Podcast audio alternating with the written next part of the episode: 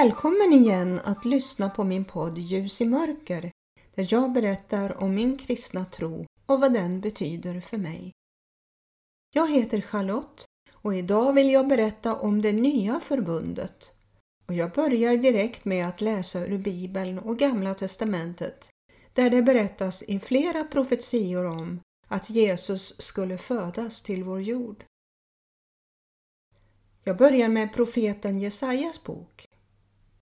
Profeterna i Gamla testamentet är med och upplever fullt medvetna hur ordet kommer till dem i det som Gud låter dem se och höra.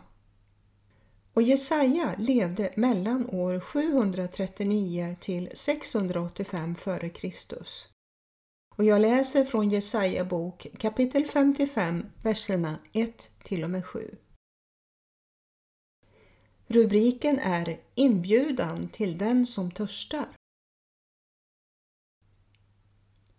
Hör på alla ni som törstar.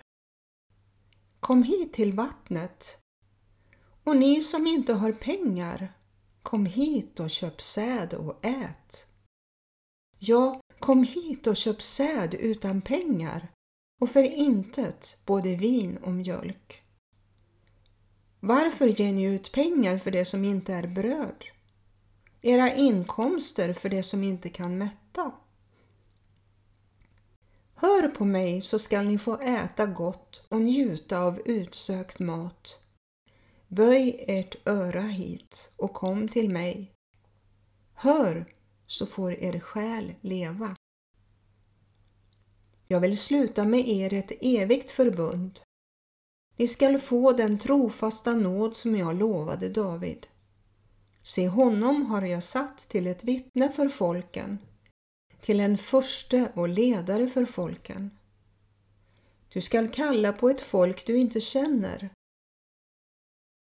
Ett hedna folk som inte känner dig skall skynda till dig för Herrens, din Guds skull, för Israels heliges skull ty han har förhärligat dig. Sök Herren medan han låter sig finnas. Åkalla honom medan han är nära. Den ogudaktige må överge sin väg, den orättfärdige sina tankar och vända om till Herren, så skall han förbarma sig över honom och till vår Gud, ty han skall ge mycken förlåtelse.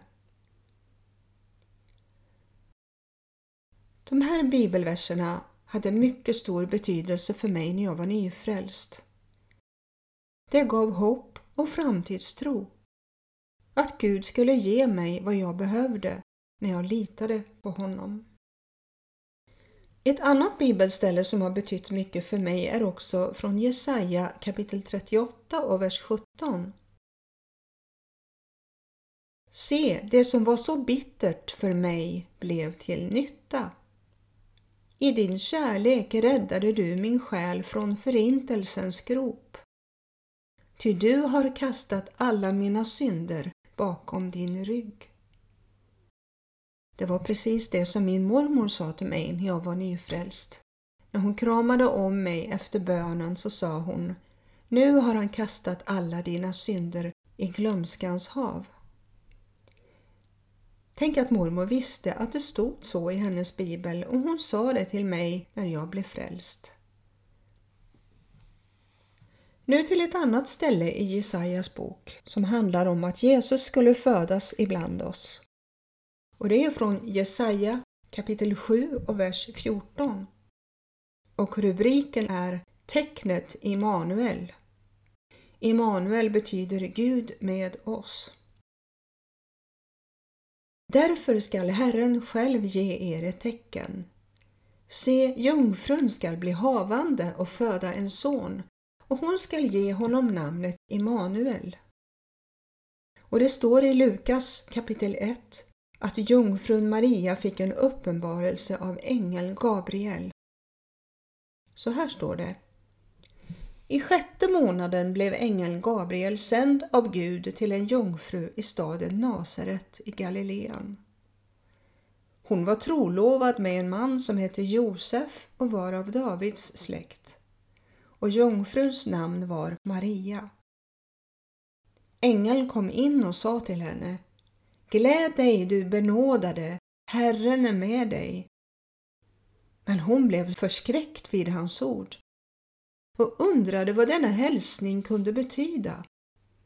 Då sa ängeln till henne Frukta inte, Maria, du har funnit nåd hos Gud. Se, du skall bli havande och föda en son och du skall ge honom namnet Jesus. Han skall bli stor och kallas den Högstes son och Herren Gud skall ge honom hans fader Davids tron. Han skall vara konung över Jakobs hus för evigt och hans rike skall aldrig få något slut. Jesus kom alltså från konung Davids släkt. Jag berättade tidigare om Jesus och när han föddes till vår jord. Hur Gud blev inkarnerad och blev människa. Detta står också i Jesaja kapitel 9, verserna 1 till och med 2. Ett barn blir oss fött. Men det skall inte vara nattsvart mörker där ångest nu råder. I gången tid lät han Sebulons och Naftalis land vara föraktat. Men i kommande dagar skall han ge ära åt trakten utmed havsvägen, landet på andra sidan Jordan, hedna folkens Galileen. Det folk som vandrar i mörkret skall se ett stort ljus. Över dem som bor i dödsskuggans land skall ljuset stråla fram. Och i vers 6 till 7. Ty ett barn blir oss fött, en son blir oss given. På hans axlar vilar herradömet och hans namn är Under, Rådgivare, Mäktig Gud, Evig Fader, Frids furste. Så skall herradömet bli stort och friden utan slut över Davids tron och hans kungarike. Det skall befästas och stödjas med rätt och rättfärdighet från nu och till evig tid. Herren Sebaots nitälskan skall göra detta.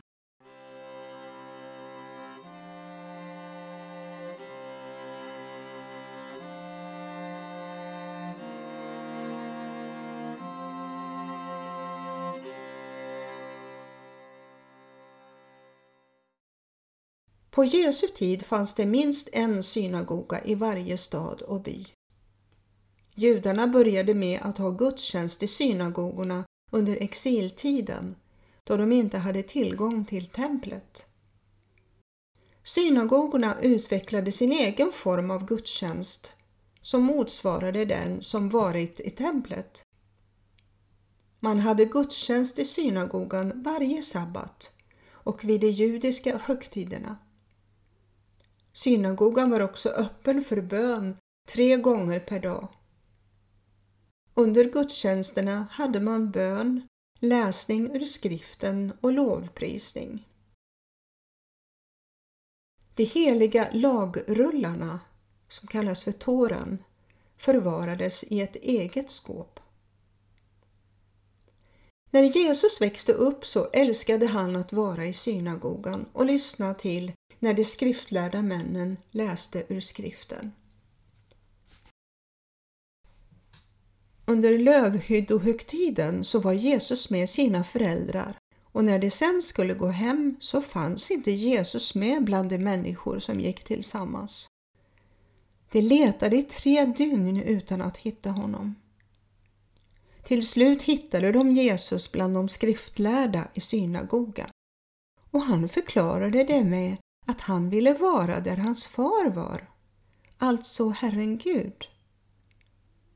Redan då var han medveten om att Gud var hans far och att han, Jesus, var speciellt utvald och han ville lära sig så mycket som möjligt i skriften.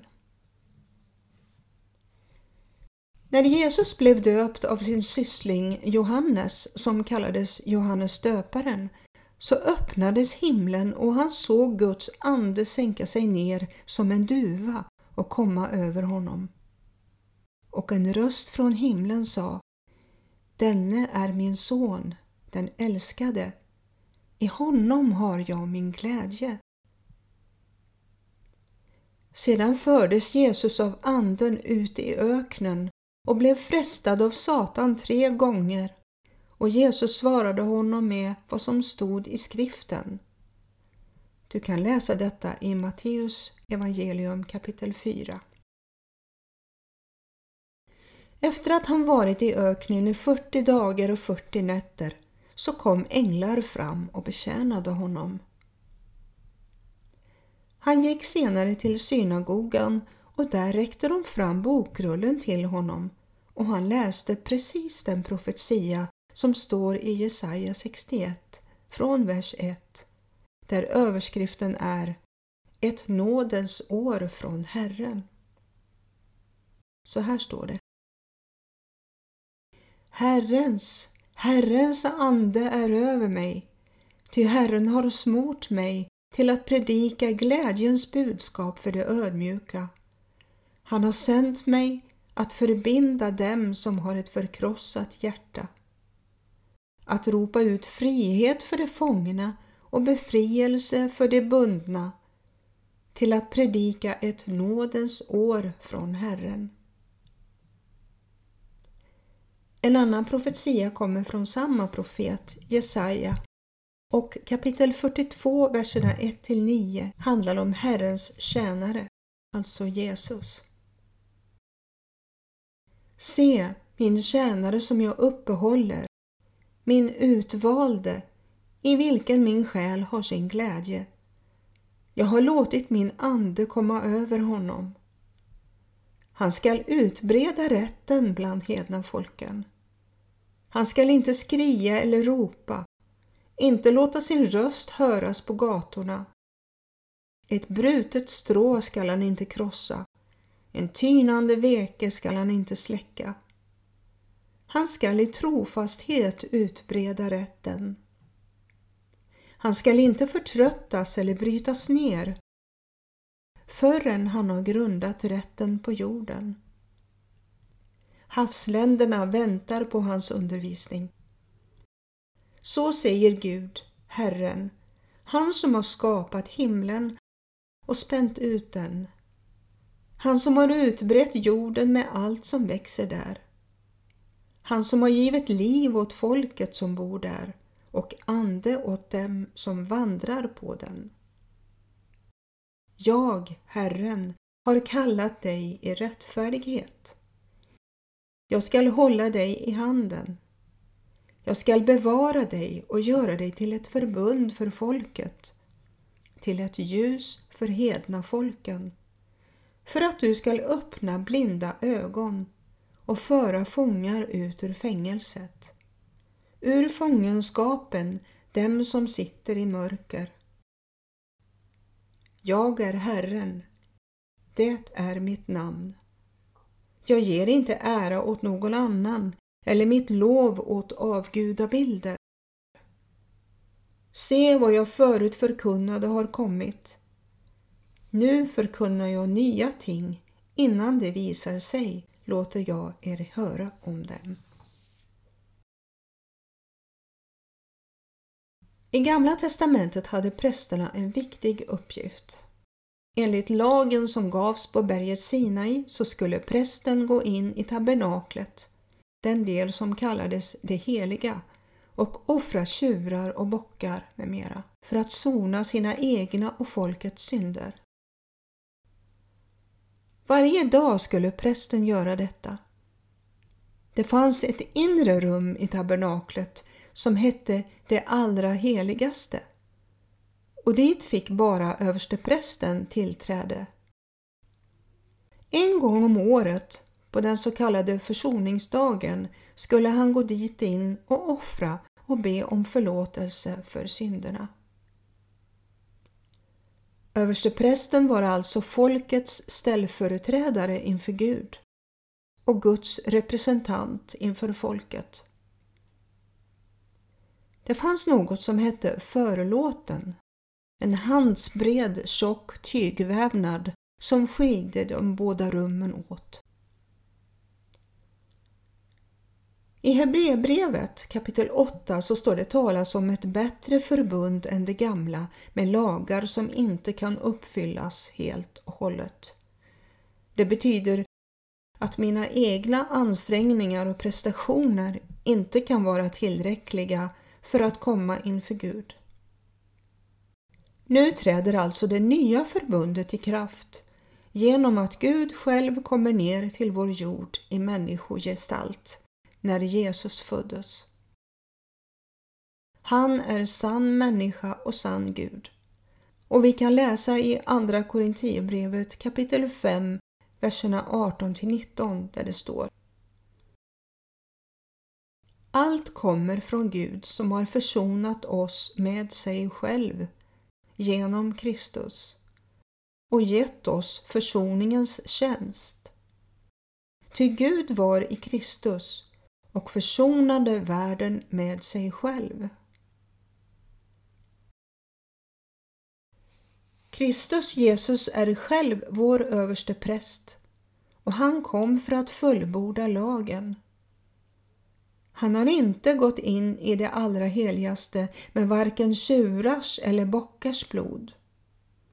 När han gav sitt liv på korset för dig och mig så tog han din och min synd, ja, hela världens synder på sig.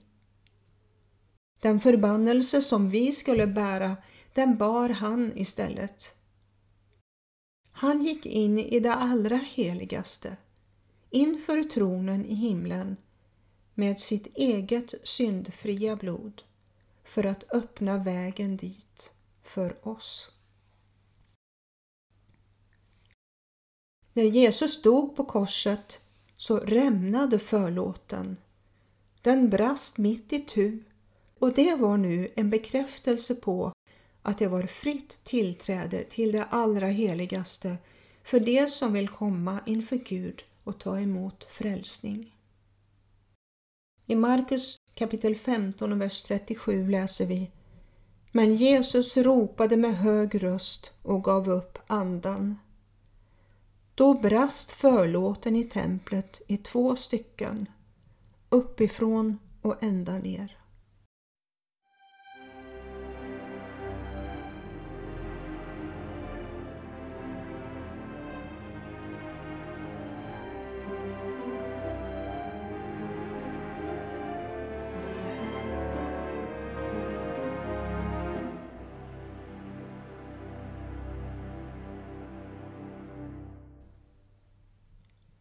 Läs också gärna i Hebreerbrevet i kapitel 8 till och med 9 där det står om nya förbundet och Jesus som överstepräst. En viktig del i detta är det som Herren Gud sa i profeten Jeremias bok kapitel 31 och vers 31. Se, dagar skall komma, säger Herren, då jag skall sluta ett nytt förbund med Israels hus och med Judahus. Inte ett sådant förbund som jag slöt med deras fäder den dag då jag tog dem vid handen och förde dem ut ur Egyptens land. Det förbund med mig som de bröt, fastän jag var deras rätte Herre, säger Herren. Nej, detta är det förbund som jag efter denna tid skall sluta med Israels hus, säger Herren. Jag ska lägga min lag i deras inre och skriva den i deras hjärtan. Jag skall vara deras Gud och det skall vara mitt folk. Det nya förbundet skulle bygga på kraften från Jesu uppståndelse och där hans uppståndelse skulle manifesteras i varje människa som vill ta emot honom. Att göra Guds vilja ska komma från hjärtat, där Jesus sitter på tronen och regerar i liv. Även om Jesu verk på korset är fullkomnat så kan det inte hjälpa dig om du inte väljer att ta emot och svara ja på hans erbjudande om frälsning och evigt liv. Det Gud har erbjudit är också ett evigt arv och du och jag är utvalda att ta emot det på grund av vad Jesus gjorde på korset. Det står i Hebreerbrevet kapitel 10 och vers 19 att i kraft av Jesu blod kan vi nu frimodigt gå in i det allra heligaste på den nya och levande väg som han har öppnat för oss genom förlåten, det vill säga sitt kött. Det grova skynket som skilde det heliga från det allra heligaste brast mitt i tu som en symbol för att Jesu kropp blev offrad för oss. Ingen kommer nära Gud utan omvändelse. Att vända om handlar om att inse sina fel, välja att bekänna dem och börja vandra en ny väg med Gud. Jag vill uppmana dig att ta emot det som erbjuds. Du kommer att bli räddad för evigheten och du får leva med Gud här och nu och uppleva hans stora välsignelser. Om du har svårt att hitta orden själv så kan vi be denna frälsningsbön tillsammans. Vi ber. Jesus, jag kommer nu till dig. Jag tar emot dig som Herre och Frälsare. Förlåt mig för alla mina synder. Led mig in i det liv du har tänkt för mig. Jesus, jag ger dig hela mitt liv och tackar dig för att du gav ditt liv för mig. Amen. Det här är ett tillfälle som kan vara känslosamt men ibland märker man inget påtagligt i sitt känsloliv. Det viktigaste är att tro på och lita på Jesus Kristus. Bibeln lovar dig, som det står i Johannes evangelium kapitel 1 och vers 9, men åt alla dem som tog emot honom gav han rätt att bli Guds barn, åt dem som tror på hans namn. Du kanske frågar varför duger jag inte som jag är? Bibeln säger att vi är skapade av och till Gud. Och syftet med ditt liv är att leva för Gud. Och då frågar du kanske, innebär det en massa måsten? Nej, det innebär en möjlighet att bli vad Gud har tänkt för dig. Ja, men det klarar jag aldrig. Då svarar jag, du har alldeles rätt. Du klarar det inte själv. Det var därför som Jesus kom, för att klara det åt dig. Gud välsigne dig och vi hörs nästa vecka igen.